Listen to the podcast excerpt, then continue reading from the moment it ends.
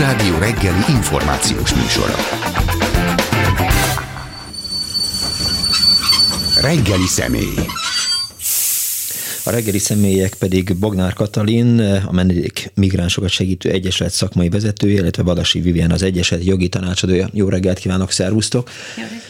Ugye hat óra után az egyik hallgatóval egyfajta vitába bonyolódtam, azt mondta, hogy miért mondunk migránsokat a menekültekről. Próbáltam megindokolni, hogy a menedék az 30 éve működik Magyarországon, nagyjából 30 éve működik Magyarországon, és akkor, amikor ezt a nevet választották, menedék migránsokat segítő egyesület, akkor még nem tudták azt, hogy lesz egy korszak a Magyarországnak, amikor a migráns szót szitok szóvá változtatja az állami propaganda. Most már azt gondolom, hogy fölösleges, tehát lehetne mondani azt, hogy menekülteket segítő eh, egyesület, de hát pillanatnyilag ez a hivatalos eh, megnevezése. És ha már ott tartunk, hogy 30 év, az elmúlt 30 évben fel gyülemlet vagy összeszedett, összegyűjtött tapasztalat mennyire alkalmazható most eh, a 2022-es menekültválságnál? Mondhatjuk-e azt, hogy menekült válság van Magyarországon 2022-ben? Mindenképp mondhatjuk, hogy egy felfokozott menekült helyzet van, és válságnak is tekinthető abból a szempontból, hogy nagyon-nagyon sok ember kényszerül a közvetlen szomszédságunkból elhagyni a, a hazáját, és abból a szempontból leginkább a délszláv háború idejéhez hasonlítható ez a mostani ö, menekült helyzet. Akik akkor dolgoztunk már a terepen, egy csomó ilyen, ilyen, ilyen vissza, visszapillantásaink vannak, mondhatni flashbackjeink arra vonatkozóan, hogy nagyon bizonyos dolgok nagyon hasonlít állítanak, hogy részben van egy nagyon gyors, váratlan és, és hirtelen megoldandó feladat, úgymond. Ez nyilván nem, nem ez az elsődleges, hanem az, hogy nagyon közel van, és ettől nagyon-nagyon-nagyon érinti nyilván ö, lelkileg is a, általában az embereket, illetve hogy, illetve hogy azért ez a fajta nyelvi kulturális hasonlóság az egy másfajta viszonyulást is jelenthet. Ez biztos, hogy na, leginkább a délszláv háború idejére hasonlít, hogyha... Amikor nagyon sok magyar ajkú igen. menekült érkezett. Illetve, hogy otthonos volt ez a közeg, szóval, hogy jártunk ki Jugoszláviába Adidas cuccokért, volt egy határmenti együttműködés, szóval, hogy az egész olyan otthonosabb volt, mint mondjuk egy, egy távolabbról érkező menekült hullám, akár a szír, akár az afgán menekülők esetén, ez biztos. Ami még nagyon hasonlít, és azért ezzel mindenképp, és biztos, hogy ezzel foglalkoznunk kell hosszú távon, hogy általában azt tapasztaljuk, hogy a legsérülékenyebbek ragadnak bele ebbe a rendszerbe, és hogy, hogy ezzel is mindenképp dolgunk lesz, hogy az mondjuk, ami 2015-ben volt, hogy láthatólag az emberek olyan helyeket keresnek, ahol, ahol nyitott, befogadó társadalomra lelnek, helyenek, ahol mondjuk a saját közösségükhöz tartozó emberek is vannak, és ez egy elég erős push faktor ráadásul meg nyilván az is, az is fontos, hogy az adott befogadó ország milyen, milyen támogatásokat nyújt, tehát ehhez képest ez most egy, egy más helyzet, legalábbis azoknál, akiknek valószínűleg nincs esélye arra, hogy tovább menjenek. Az imént Bognár Katalint hallották, és itt van eh, velünk Vadasi Vivien is, hogy azért annyi különbség talán mégiscsak lehet eh, a délszaláv háború eh, által teremtett helyzet, illetve jelenlegi helyzet között, hogy, hogy most még azért elsősorban szerintem nem magyar ajkúak érkeznek, vagy, vagy tévedek? Mi azt tapasztaljuk, hogy leginkább, Igen? tehát hogy, hogy akikkel most itt a főváros intézményeiben találkozunk, meg akik így személyesen megkeresnek, azok magyar ajtóak, de azért alapvetően a múlt héten már nagyon-nagyon sok, és az e-mailes megkereséseink azok főként uh, ukrán. Csak azért, ukrán. mert, mert mi a Barostéren lakunk, és ugye ott a Grand Hotel Hungáriában vannak elszállásolva, tehát én leginkább uh, ukránul, oroszul beszélő menekültekkel találkozom találkozom? Tapasztalataink szerint igen, azt hiszem, de az, hogy én akkor nem dolgoztam a Menedék Egyesületnél, de hogy azt hiszem, hogy ez is azért rokonítható a délszláv háborúval, hogy el, először azok, akik megtehetik, azok, azok próbálnak menekülni. Ugye ez, ez az, amit, amit Kata is említett, hogy rokonítható, a, a, és, és a mi érzéseinkkel hozzánk hasonló ruhájú, külsejű emberek lépik át a határt, és Köz, a mi közvetlen tapasztalataink szerint viszont egyre több azoknak a száma, akik a, a Kárpátaljáról érkeznek, illetve nyilván az ukránok, ukrán állampolgárok, ukránul beszélő ukrán állampolgárok között is vannak olyanok, akiknek kötődésük van Magyarországhoz, vagy itt dolgoztak már korábban, vagy a párjuk, a családjuk már Magyarországon él, akár magyar, magyar párjuk van, és az ő esetükben lehet arra, arra készülni, hogy, hogy tartós megoldásokat, tartós védelmet kell Magyarországon biztosítani. Ha azt nézzük, hogy a, a menedéknek van egy, egy, egy működési sebessége, akkor, akkor hány százalékkal kellett megnövelni a teljesítményt az ukrán, ukrajnai háború megkezdése után? Tehát olyankor mi történik?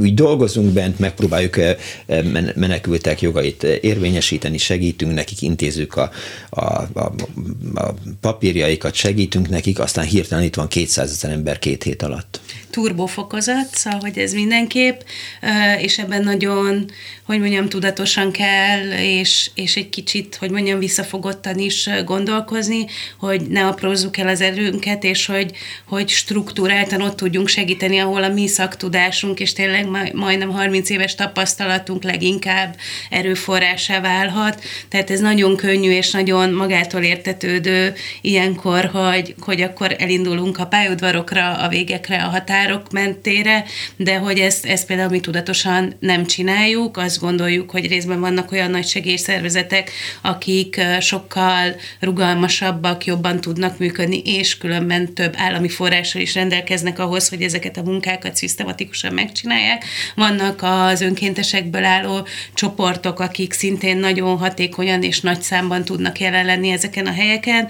Mi abban segítünk inkább, hogy a, az elhelyezett embereknek azt a fajta jogi, információs, szociális munkaeszköztárával nyújtott uh, információt és segítségnyújtást nyújtsuk, illetve azokat támogassuk, azokat az intézményeket, akik most hirtelen különben tök felkészületlenül, uh, mert hogy nem, nem ők a felkészületlenek, hanem nem voltak felkészülve erre a helyzetre, kerültek olyan helyzetbe, hogy menekült ügyben kell ellátási funkciókat betölteniük. Egy elindult a mobil tímünk, és ez egy olyan tím, ahol szocmunkás, jogi szakember, szakember, mentálhigiénés szakember, olyan, olyan kollega, aki a gyerekekkel tud foglalkozni, elkezdünk azokra főként most egy, egyelőre a fővárosi intézményekbe járni, ahol nagyobb számban vannak el, el, elszállásolva menekülők.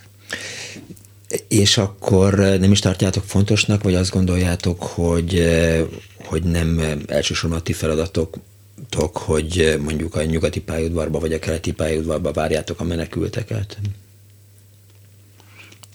Szerintem nagyon-nagyon fontos ez a munka, és nagyon-nagyon fontos. Mármint, hogy nem, nem, tehát a menedéknek nem e- ez a, ez a feladata, úgy értem. Igen, igen, igen. A, tehát, hogy nagyon-nagyon fontos munka, de a menedék egyrészt van nagyon sok civil szervezet, önszerveződés, akik nagyon-nagyon gyorsan, rugalmasan képesek ezeket az alap és, és először jelentkező szükségleteket ellátni, és fontosnak látjuk azt, hogy a Menedékegyesület abban legyen nagyon aktív, amiben, amiben jó és amiben hosszú tapasztalatokkal rendelkezik, hogy azoknak a számára, akik megérkeztek, és ezen az első sokkon túl vannak, már meg tudtak mosakodni, és, és ö, érzik, hogy nem lőnek a fejük fölött, akkor amikor elkezdenek erről gondolk- gondolkodni, hogy most milyen helyzetben vannak, és mik, mik a terveik, mik a lehetőségeik, hogy ebben a folyamatban, ebben, ezek, e, ebben a szakaszban tudjuk őket információval, tanácsadással, segítséggel ö, támogatni és ezt, ezt kívánjuk folytatni. Ez az a turbo előtti fokozatunk, az, az, én úgy gondolom, hogy a Covid miatt az sem volt már egy alap, alap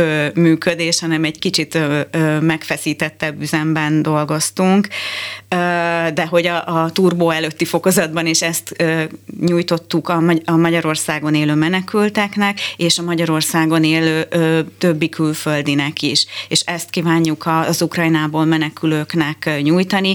Azt hiszem egy fontos csoportról még nem beszéltünk, az az Ukrajnában élő külhoni magyar állampolgár. Ők magyar állampolgárok, és alapból azonos jogokkal bírnak, mint, a, mint mi, de a szabályozás miatt azt, azt tapasztalható, hogy nem tudnak élni ezekkel a jogosultságokkal. Úgy látható, hogy a, hogy a, a állami kormányzati menekültügyi helyzet sem volt erre felkészülve, és próbálják most utánkövető szabályozással, tegnap éjszaka is jelent meg újabb szabályozás, ezt egy kicsit elősegíteni, hogy, hogy ők is élhessenek a, az őket megillet, egyébként megillető jogosultsággal. Azt hiszem, hogy ez talán a, a, a menedék számára most egy, egy még újabb kihívás, ami, ami, aminek elébe állunk, és próbáljuk a magyar állampolgárokat is támogatni. Mi az a konkrét feladat csomag, amit most csinál a menedék? Azt említetted, hogy a fővárosban elhelyezett menekülteket keresitek fel. Mit csináltak, mit, mihez kezdtek velük?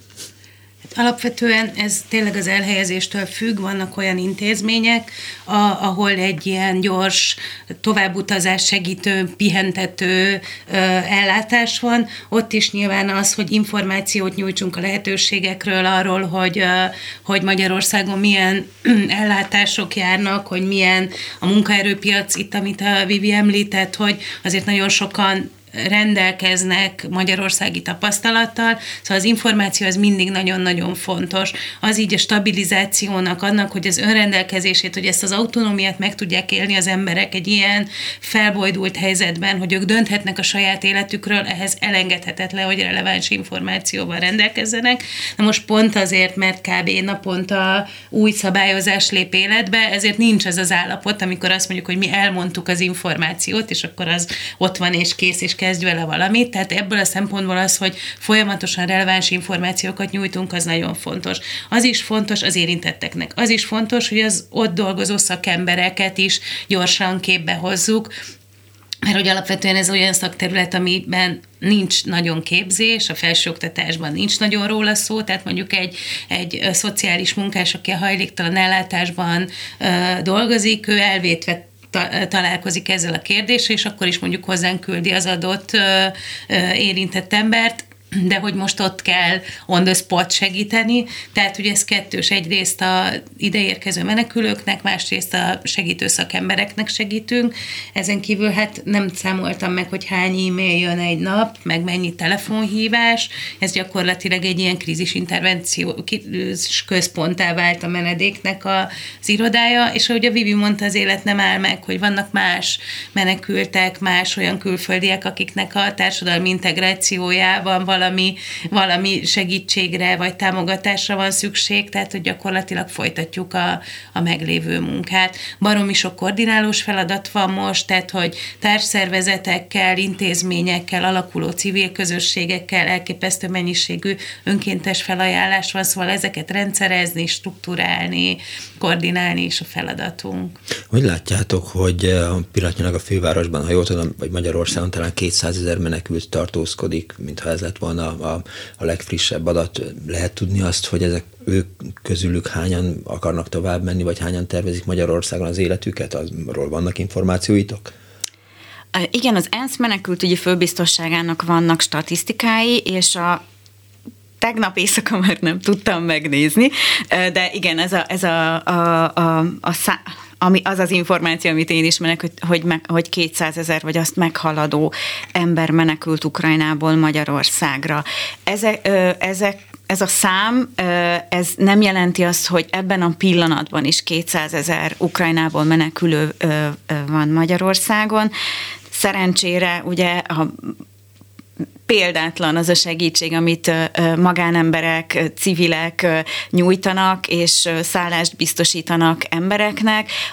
Tapasztalatok szerint vannak olyanok, akik e, ezt a, ezeket a szállásokat egy éjszakára veszik igénybe, az ukrán állampolgároknál, az ukrán-ukránoknál, ha lehet ilyet mondani, megfigyelhető, hogy jelentős ukrán közösség él Európa sok-sok államában, és akinek van rokoni, baráti kapcsolata, vagy egyáltalán ismerőse, aki, aki dolgozott ezekben az országokban, az, az a tapasztalatok szerint és várhatóan is tovább áll ezekbe a közösségbe, közösségekbe, hiszen itt, itt kaphatja meg azt a, a közösségtől is azt a támogatást, ami az ő beilleszkedését segíti.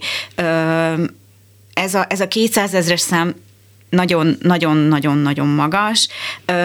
Az ENSZ kimutatásai szerint Lengyelország után Magyarországra érkeztek a, a legtöbben az Ukrajnából menekülők, de ezt fontos látni, hogy, hogy különböző élethelyzetben lévő emberek, különböző tervekkel rendelkező emberek alkotják ezt a, ezt a több mint 200 ezer embert, és ahogy a, a, a beszélgetés elején mondta Kata, várhatóan azok, akik sérülékenyek, és ezért nem képesek tovább menni más nyugat-európai államban, vagy akár Lengyelországba, és azok, akiknek Magyarországhoz van kötődésük, mert magyarok maguk is, magyarul beszélnek, vagy a családjuk már itt él Magyarországon, vagy itt dolgoztak korábban Magyarországon, az ő esetükben lehet arra számítani, hogy, hogy itt maradnak. Bognár Katalin és Vadasi Vien, a Menedék Migránsokat Segítő Egyesület szakmai vezetője, illetve jogi tanácsadója a vendégünk.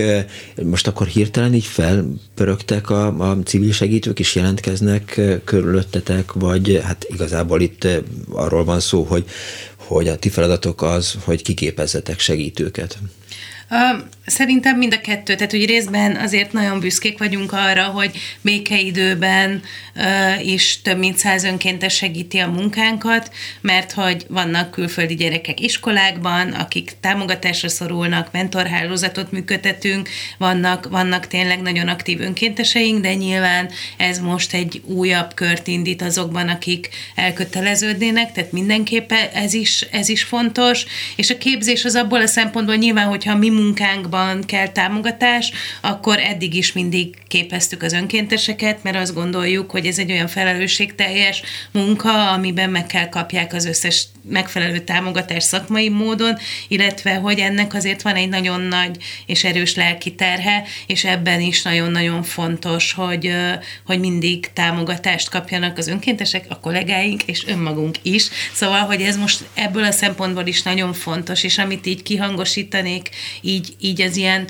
önkéntes, önkéntes lelkesedés kapcsán, hogy, hogy nagyon-nagyon könnyen ez a fajta krízisben levés és a meneküléssel való találkozás az nagyon-nagyon megérinti az embert, és hogy nagyon-nagyon fontos az, hogy ezzel tudatosan foglalkozzunk. Részben a motivációinkkal, hogy miért segítünk, hogy hogy tudunk jól segíteni, a mi saját szereprepertoárunk, eszköztárunk, erőforrásainkat figyelembe véve, illetve hogy az öngondoskodásnak most kiemelt fontossága van, ami amúgy a segítő szakembereknél alapértelmezetnek kell, hogy legyen, de hogy, hogy most erre nagyon-nagyon komolyan, és szeretném tényleg így, így ezt a fórumot is megragadni arra, hogy, hogy csak akkor tudunk segíteni, hogyha mi magunk rendben vagyunk, úgyhogy érdemes pihenni, gondolkozni a motivációinkon, és hogy ezt szomorúan mondom, de valószínűleg még egy hónap múlva is kell segítség, úgyhogy ne forgácsoljuk el az erőforrásainkat. Ezt így magamnak is mondom. Igen, az egyik barátom, és emlékszem rá, 2015-ben egy ilyen magánéleti válság elől menekült, menekülteket segíteni, és töltötte éjjel-nappal át a, a, a keleti pályadvar környékén, akár tolmácsként, akár ételosztóként, de hogy, hogy nyilván nem az a normális, hogy, hogy a problémáink elől egy másik problémát veszünk a nyakunkban. Tehát kiégés az, az jellemző, illetve a, hogy is mondjam, a, a lelki összeomlás. Abszolút hát jellemző is. Nem mondom, hogy szükségszerű, nagyon eltérő megküzdési stratégiáink vannak. Azt lehet mondani, és ezt nálam mondjuk ilyen trauma pszichológiában sokkal jártasabb emberek is azért megerősítik, meg szakmailag is látszik, hogy a, hogy a trauma, azt szokták mondani, hogy a trauma fertőz, tehát hogy nagyon-nagyon könnyen meg tud érinteni minket, és hogy ez ez nagyon függ attól persze, hogy milyen az egyéni megküzdési stratégiája, hogy, hogy milyen támogató közeg veszi, veszi az adott segítőt körül, hogy milyen szakmai alapokon működik a segítés, hogy ez teamben van, vagy egyénileg, szóval, hogy nem mondom azt, hogy mindenki ki fog égni, és nem mondom azt, hogy mindenki szörnyen rosszul fogja érezni magát, hanem azt mondom inkább, hogy figyeljünk magunkra, és nézzük, és azokat a jeleket, tehát hogyha, hogyha nem tudunk aktívan pihenni, hogyha alvászavaraink kezdenek lenni, előfordulhatnak rémálmok, tehát hogy ilyen, szóval, hogy pihenjünk és tartsunk szünetet, és kérjünk segítséget akár segítő szakemberektől, azt látom, hogy egy nagyon-nagyon széles összefogás van pszichológusokból, segítő, mentálhigiénés szakemberekből, akik kifejezetten, ahogy 2015-ben is azt a fajta támogatást adják meg a segítőknek, hogy ventilálhassanak, mesélhessenek az élményeikről, és hogy egy kicsit önmagukkal is tudjanak foglalkozni, úgyhogy nagyon fontos. Vivien említette, hogy folyamatosan változik, vagy ha nem is folyamatosan, de azért változik a menekültekre vonatkozó szabályozás. Mi történt pontosan így hivatalos részre, esetleg a hallgatóink közül nyilván nem tudják, hogy hogy, hogy hogyan és miképp reagál a, a, a jogalkotó közösség a, a helyzetre. Hát azzal kezdeném, hogy sajnálatos módon ez a, ez a, ez a tragikus esemény ö, ö, eléggé felkészületlenül ért, érít, érte a magyar menekültügyi rendszert, mert 2015 óta, vagy hát már azt, azt megelőzően is folyamatos volt a, a, a rendszer leépítése jogszabályi szinten, és az ellátórendszert is ö, vissza, visszabontotta a magyar állam, becsukták azokat a létesítményeket, ahol korábban hatékony segítséget nyújtottak, befogadták a menedéket, kérőket, és szállást, ellátást biztosítottak szá- számukra. Ennek kapcsán csak azt szeretném megjegyezni, hogy a Debreceni menekültábor létrehozásának pont az volt az indoka az 1990-es évek elején, hogy a Szovjetunió össz- összeomlása után instabilá váltak ezek az államoknak a helyzete, és Ukrajnából várható egy uh-huh. na, az, hogy menekülők tömegei érkeznek. 2015-ben sikeresen bezárták a Debreceni menekültábort, és most sincsenek olyan információk, információink, hogy tervezik ezt megnyitni. De nehéz lenne? Nem, nem egyszerűen csak egy kulcsot kell elővenni, és ezt, oda küldeni ezt, ezt azt hiszem, embert? hogy a kormányzattól lehetne megkérdezni. Ez volt a kiindulási állapot. Ö, jogszabályilag valam, rendelkezések voltak arra, erre, ö, hogy, hogy ezeket az tömegesen menekülő, ö, ö, em, ö, háború elől menekülő, tehát nem egyéni üldözés elől menekülő emberek számára ö, lehessen egy olyan úgynevezett ideiglenes védelmet nyújtani, ami a, nem csak ezeknek az embereknek, a menekülőknek nyújt egy azonnali viszonylag rendezett megoldást és védelmet, hanem az államot is egy picit tehermentesíti az alól, hogy az alapesetben előírtak szerint minden egyes menedékkérelmet alaposan, hossza, hosszú ideig, sok információt beszedve, meghallgatásokat tartva vizsgáljanak meg. Ezt, ezt az ideiglenes védelmet a magyar jog már tartalmazta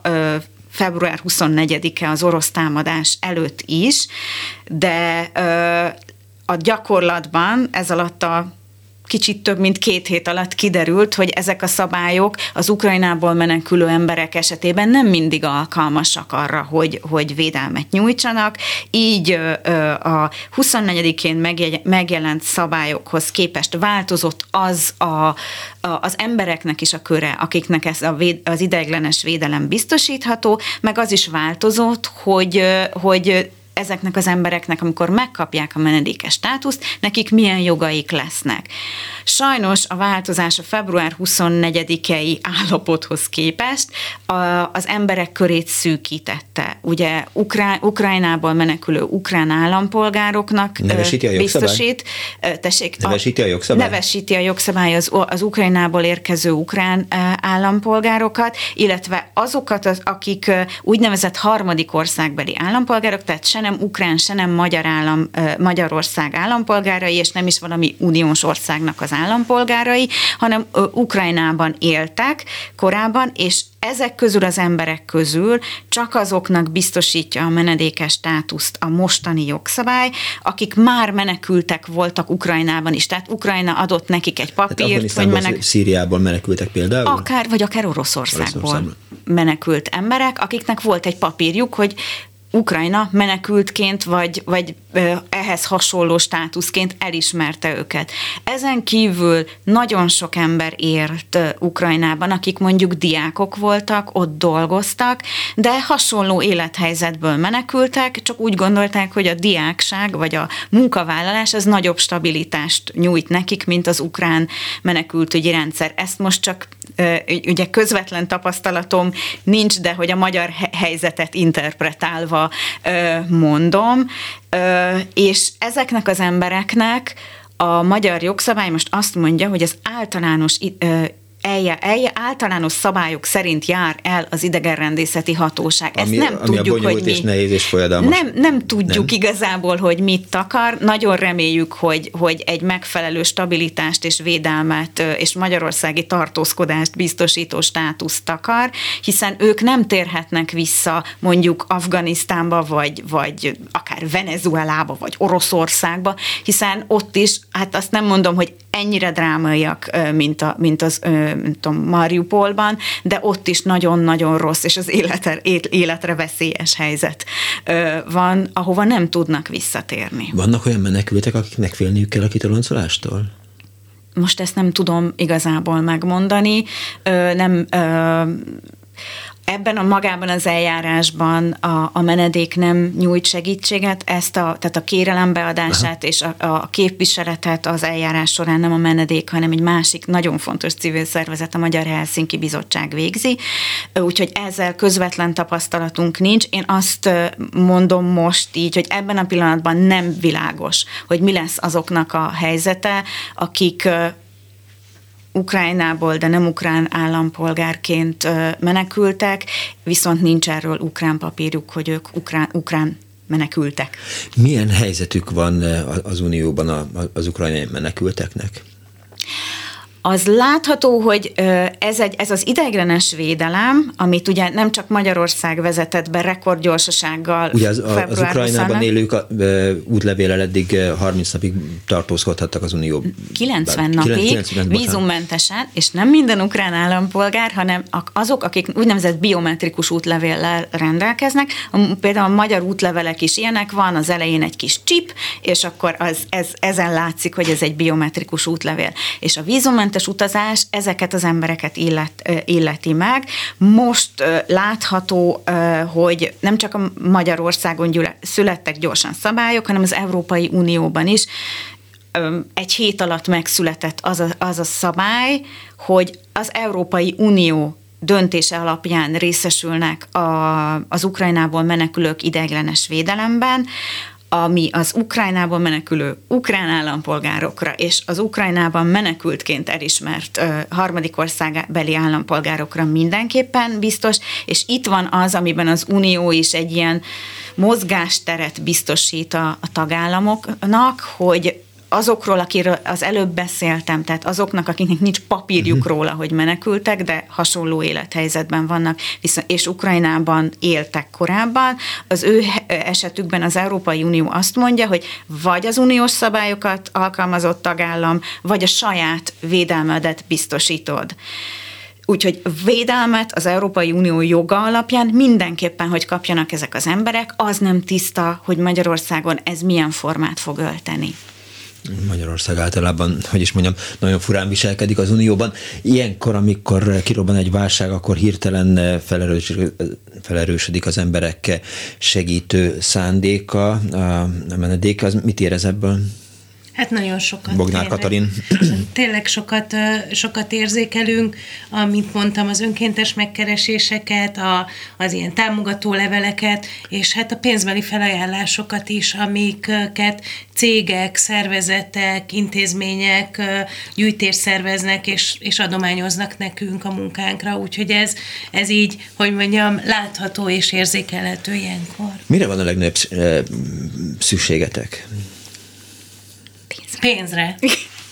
pénzre van a legnagyobb szükségünk, és ez mindig ilyen, ez, ez ilyenkor nehéz így kimondani, vagy meg kell szoknunk azt, hogy, hogy, hogy erről beszéljünk. Nyilván ezt a, a rádió hallgatók is tudják, hogy a magyar civileket hogyan nem, vagy hát bizonyos civileket igen, de hogy, a, hogy az állami feladatokat sokszor ellátó civil szervezeteket mennyire nem támogatja a kormányzat. Ugye mi projektfinanszírozásból élünk, ez azt jelenti, hogy gyakorlatilag az alapműködésünknek a forrását azt minden egyes alkalommal évenként nagyon komoly, komolyan ki kell gazdálkodnunk, tehát az, aki tényleg adományozással, rendszeres adományjal támogatja a munkánkat, az abban segít, hogy ne azzal kelljen foglalkoznunk most, hogy miből lesz meg a következő bérleti díja az irodánknak, hanem abban, hogy abban tud támogatni minket, hogy az összes energiánkat és szaktudásunkat tényleg a segítésre tudjuk, segítésre tudjuk fordítani. A menedéktárgyi segélyezéssel, adományozással nem foglalkozik, de én azt gondolom, hogy aki így a közösségi médiában e jól elboldogul, ő meg fogja találni azt a helyet, ahova ilyenfajta adományokat is tud adni, illetve beszéltünk az önkéntes kapacitásokról, mindenképpen szükségünk van önkéntesekre, és hát alapvetően erről még nem beszéltünk, de valószínűleg ez egy hosszabban elhúzódó helyzet lesz, tehát a közoktatás, amúgy is rémes állapotú közoktatásra is extra feladatot fog ez terhelni, nem mondom, hogy terhet jelent, de hát nyilván bizonyos szempontból igen, úgyhogy mi mindent megteszünk annak érdekében, hogy az iskolákat és a pedagógusokat is támogassuk, szóval egyszerre van ez az azonnali krízismunkánk, és egy közép-hosszú távú tervezés, hogy hogyan tudunk, hogyan tudjuk a mainstream ellátórendszert támogatni aztán a későbbi feladataimban. Azt tudom, hogy tegnap este volt egy eh, vetítés eh, a művész moziban, ahol a Menekülés című filmet vetítették, azt érdemes róla tudni, hogy egy Dán alkotó készítette, eh, menekült ügyjel foglalkozó animációs film, ha jól tudom, akkor legjobb animációs film Oscar díjára jelölték, tehát lehet, hogy legjobb külföldi filmdíját is meg fogja nyerni. Azt tudom, hogy Vadasi Vivien tegnap ott volt a, a vetítésen, és utána egy vitán vett részt maga a film. Milyen? Hát azt hiszem, hogy uh egyszer, vagy egyszerű használó, egyszerű fogyasztóként, egyszerű film, filmrajongóként azt tudom mondani, hogy, hogy nagyon, nagyon jó film. Én mindenkinek ajánlom, hogy nézze meg és a menekült ügyel foglalkozó emberként is azt tudom mondani, hogy hitelesen mutat be egy nagyon emberi menekülés történetet, és nagyon alkalmas arra, amit, amit azt hiszem, hogy fontos hangsúlyozni, hogy ugye menekültekről, menekülőkről, migránsokról beszélünk, de hogy ezek, ezek mögött, a szavak mögött mindig ott van az ember, az egyén, és egy nagyon-nagyon ö, fontos ö, emberi történetet mutat be, egy egyénnek a történetét, akinek menekülnie kellett a, a Afganisztánból, és ö, annak a történetét mutatja be, hogy hogyan jut be, hogy jut el Dániába, és ö, hogyan nyílik meg a, a, a dokumentumfilm során. A dokumentumfilm nagyon, tehát hogy a hangját végig halljuk, és, és nagyon érdekes filmes eszközzel, animációs filmként vannak a, a képek ábrázolva, de, de nagyon ügyesen vál, váltják az alkotók akár fényképet, filmet is mutatnak az eredeti afgán helyszínekről, és az és a menekült útat követő, vagy menekült utat bemutató városokról, helyekről. A Dokumentum Fesztiválon már bemutatták ezt a filmet néhány héttel, vagy egy hónappal ezelőtt.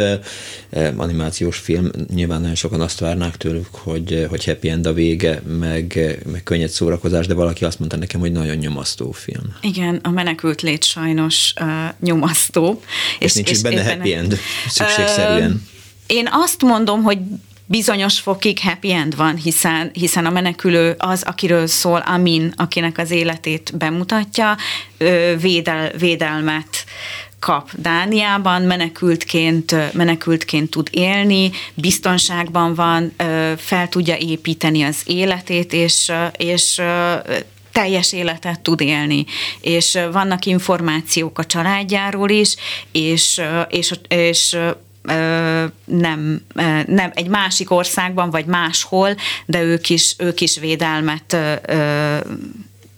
védelemben részesültek, tehát ebből a szempontból az életük nincs közvetlen veszélyben, és lehetőségük van, mondom, teljes és biztonságos életet élni egy olyan országban, ami, ami őket megvédi. Úgyhogy ebből a szempontból mindenképpen happy end. Ez azt hiszem, hogy nem Magyarország. Nem.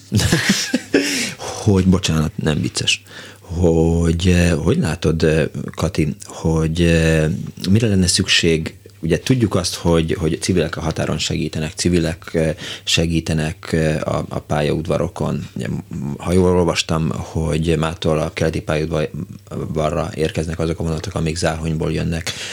Nagyon sokan megkérdőjelezik, vagy, vagy fölteszik azt a kérdést, hogy hol van pillanatnyilag az állam. Szóval mit kellene csinálni jelen helyzetben, mit tartanád egy jó stratégiának?